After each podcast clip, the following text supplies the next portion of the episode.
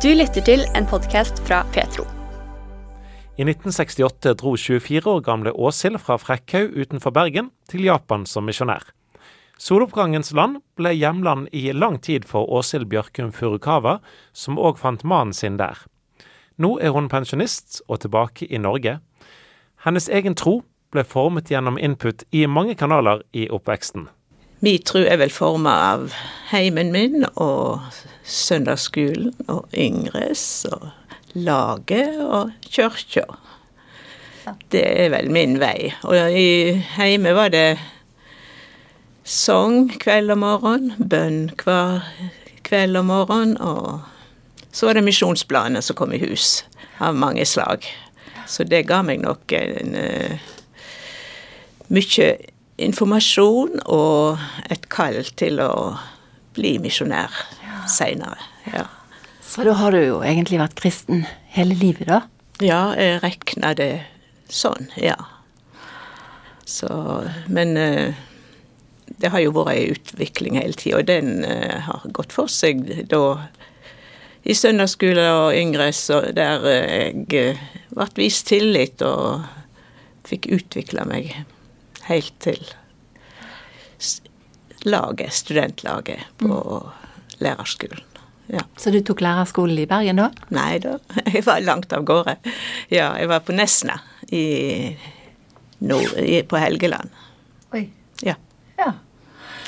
Du er forundra, og jeg visste heller ikke hvor det var den gangen. Nei da. Mm.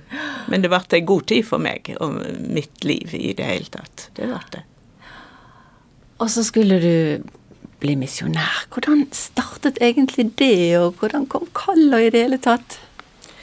Ja, som jeg sa, så begynte det vel hjemme. Det var misjon Det var misjonsforening, og det var basar, og det var loddbøker som jeg måtte gå med. Og jeg eh, fikk eh, et kall gjennom det glass, tror jeg, i både misjonstiden og Blåveisen og Kom og se og Ny horisont og masse, masse misjonslitteratur. Og så var det jo ei tid der det var misjonsfilmer og misjonsutstillinger som uh, fikk komme inn i skolene, og uh, klasser reiste på tur til disse misjonsutstillingene og fikk se hvordan livet var for misjonærer og for andre folkeslag i mange land. Så det skapte nok eh, et ønske eller et kall i meg til å bli misjonær.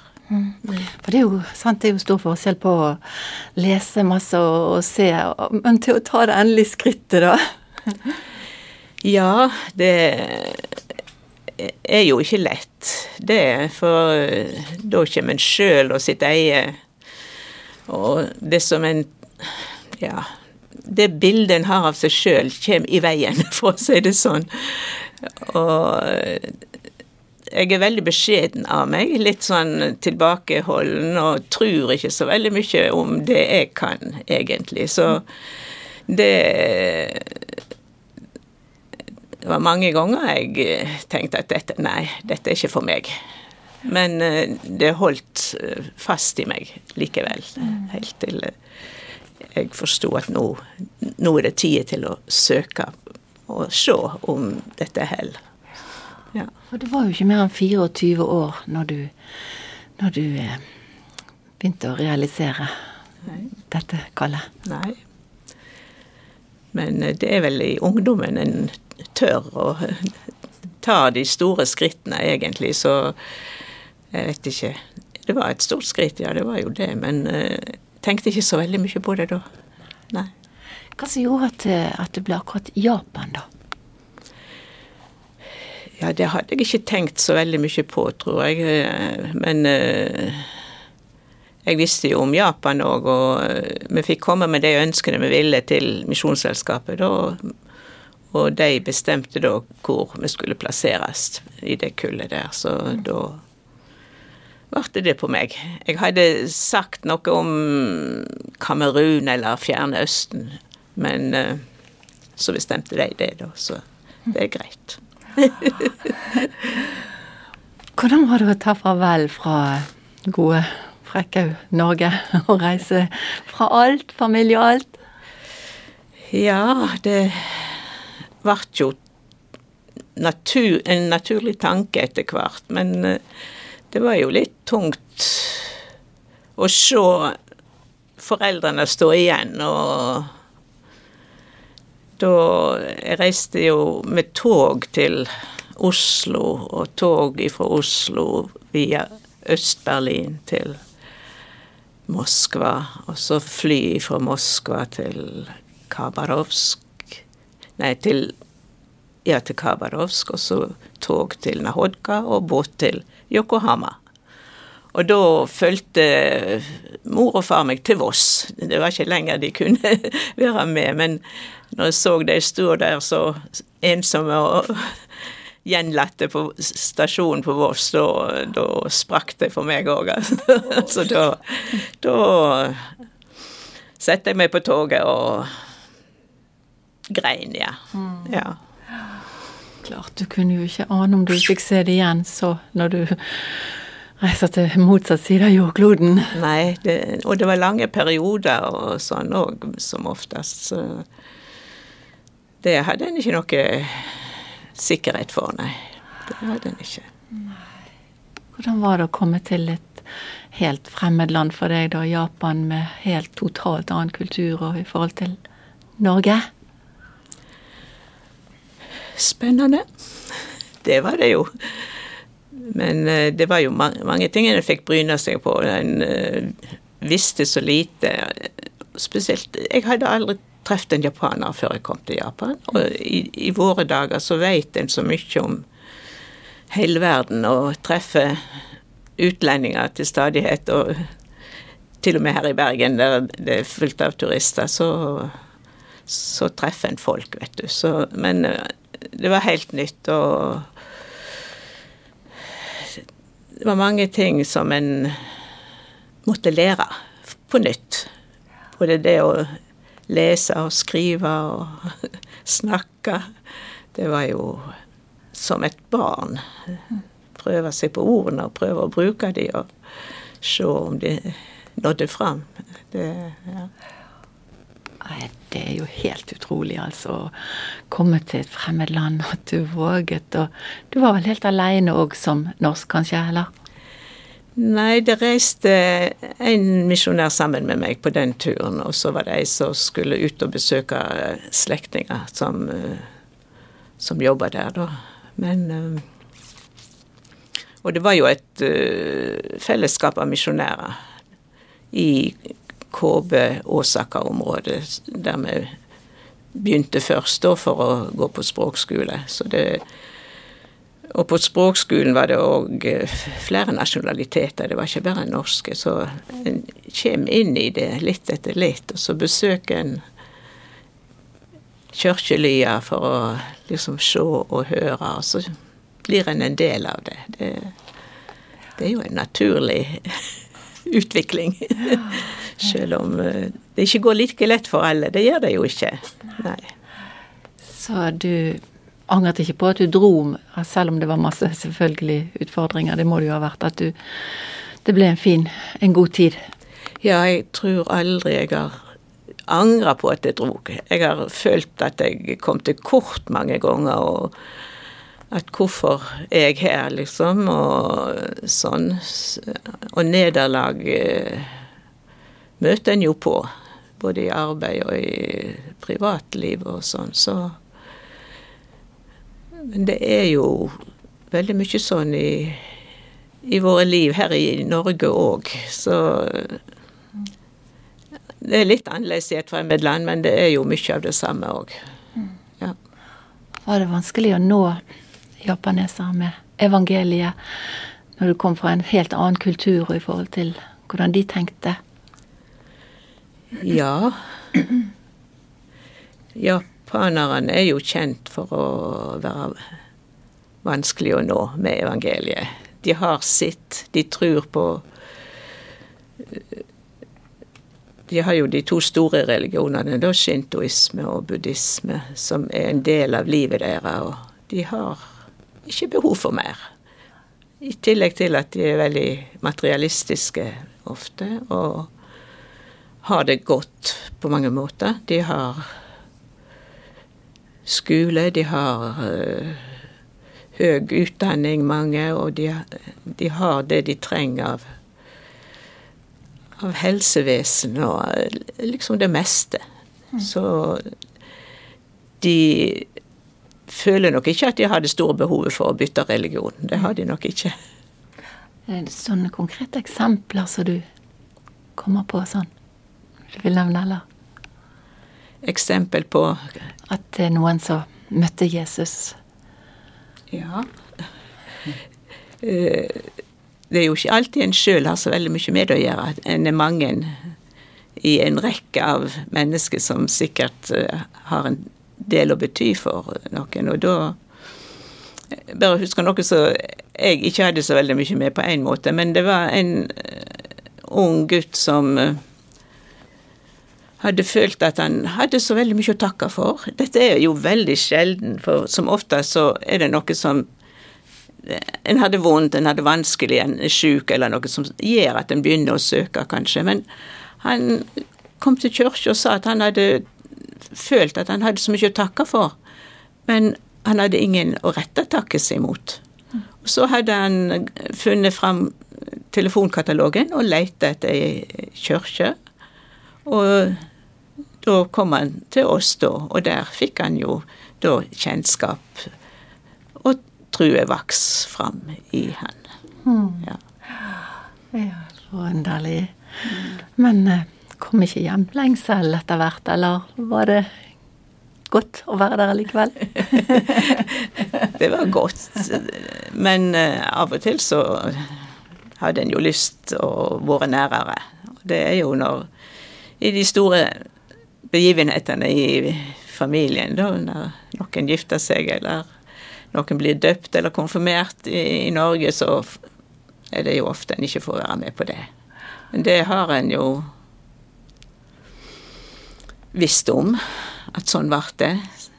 Og en får jo på mange måter en ny familie, i, både i misjonærene og i, i, mellom japanere, på en måte. Og Åshild fant seg en japansk ektemann, og de fikk to barn sammen.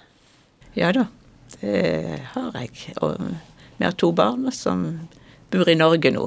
Men de er jo De føler jo at de er veldig japanske, og gjerne skulle ta turer tilbake. Det gjør de.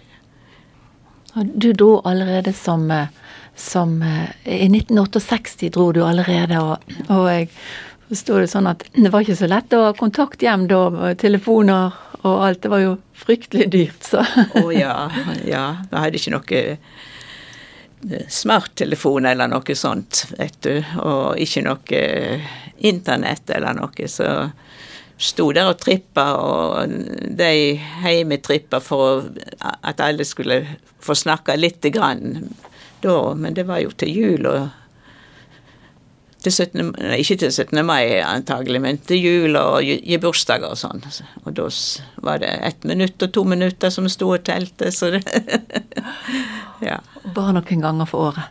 ja, eller hvis det var noe som sto virkelig på, sykdom eller død og sånn, så, så brukte vi telefonen. Men ellers så var det brev.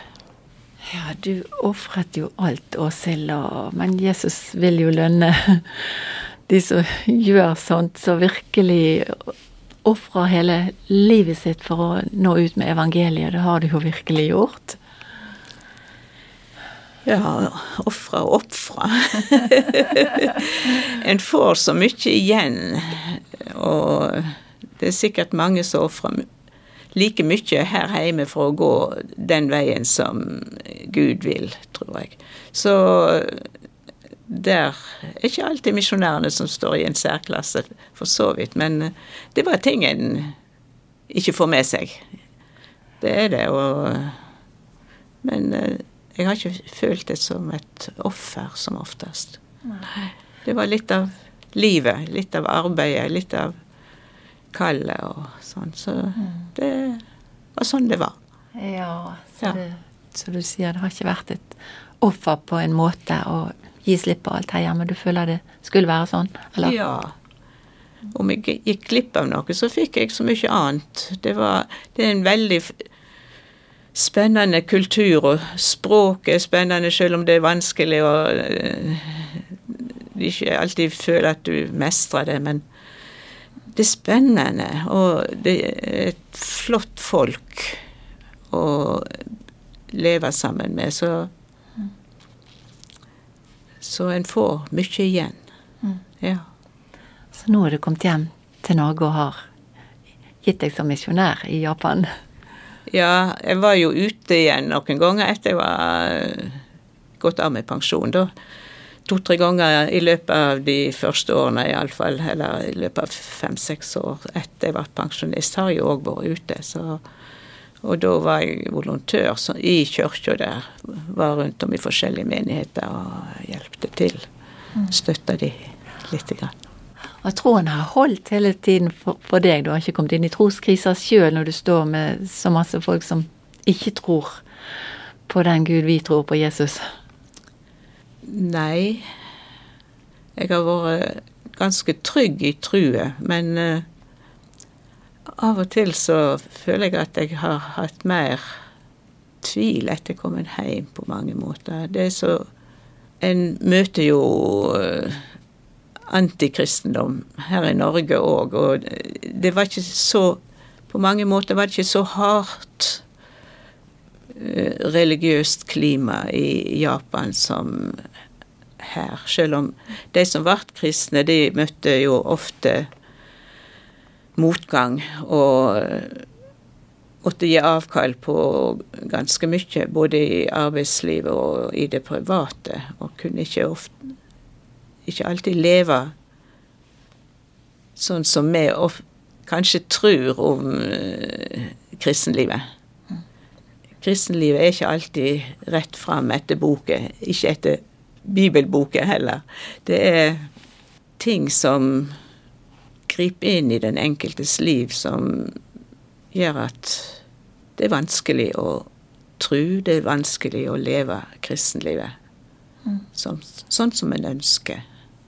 Men det er ikke direkte forfølgelse i Japan i den forstand som det er i mange andre land, men at de går glipp av en del, eller må si avkall på en del ting likevel. Ja. De kan bli eh, utstøtt av familien. De kan uh, få høre at når de vil bli døpt, så så de, kan, de får lov å gå i kirka, men de får ikke bli døpt. Det er, for, det å bli litt for sånn enspora. Det, det får de. Eller de kan eh, De må jobbe så mye at de aldri får komme til kirke. Eller de mister forfremmelse i arbeidslivet. Og forskjellige skikker som gjør at det ofte kan bli halting til begge sider. Og da blir det et veldig livløst kristenliv, på en måte. Det blir Hva skal jeg si det, På en måte mister de sin kraft. Sånn at det er viktig for oss som utlendinger å være der òg og støtte de og, og vise at vi forstår litt av det de har å stri med. Mm. Nå er det ingen misjonærer for tida i Japan. Misjonsselskapet skal sende ut nye, men for tida er det ikke noen. Og det, det er veldig leit og sårt på en måte, fordi at eh, de trenger at noen ser dem. Mm. De treng, Kirka trenger det, og de enkelte kristne trenger et fellesskap med andre kristne. Så det, det er veldig viktig. Mm. Mm. Kom du opp i farlige situasjoner? Ikke annet, på, annet enn på motorveien. det er et veldig trygt land å bo og leve i. Det er det. Ja. ja. Åshild, er det noen spesielle bibelverser du har lyst til å dra frem, eller så betyr mye for deg? Ja, når det gjelder mitt eget kristenliv, så er det første Johannesbrevet, tredje kapittel. Sjå hvor stor kjærleik Far har synt oss. Vi får kalles Guds barn. Ja, vi er det. Dette med at vi er Guds barn, det er litt av Det er av søylene i mitt kristenliv. Så at vi får være trygge Johan. Og så er det Efeserne 2, 8-10. For av nåde er det frelste ved tru. Det er ikke dykkar eget verk, det er Guds gåve. Og det hviler ikke på gjerninger så ingen skal skryte av seg sjøl, for vi er Hans verk, skapte i Kristus Jesus til gode gjerninger, som Gud på førehånd har lagt ferdige, så vi skulle vandre i dei. Dette at uh, det er nåde. Men frelst av nåde, og jeg vil òg si vi, frelst, vi har fått tjenester av nåde. Og at den gjerningene blir lagt ferdig. Jeg har aldri liksom lurt så veldig mye hele tida på hva jeg skulle gjøre. Det har jo vært tider med planlegging og sånn, og en prøver å finne ut hva som er beste måten å jobbe på. Men det at Gud legger ferdige gjerninger for oss, det er på en måte veldig avslappende og godt. Og jeg har erfart at det, det skjer. Ja. Det er alltid noe å gjøre. Ja. Du har lyttet til en podkast fra Petro. Du finner mer i Petro-appen og på petro.no.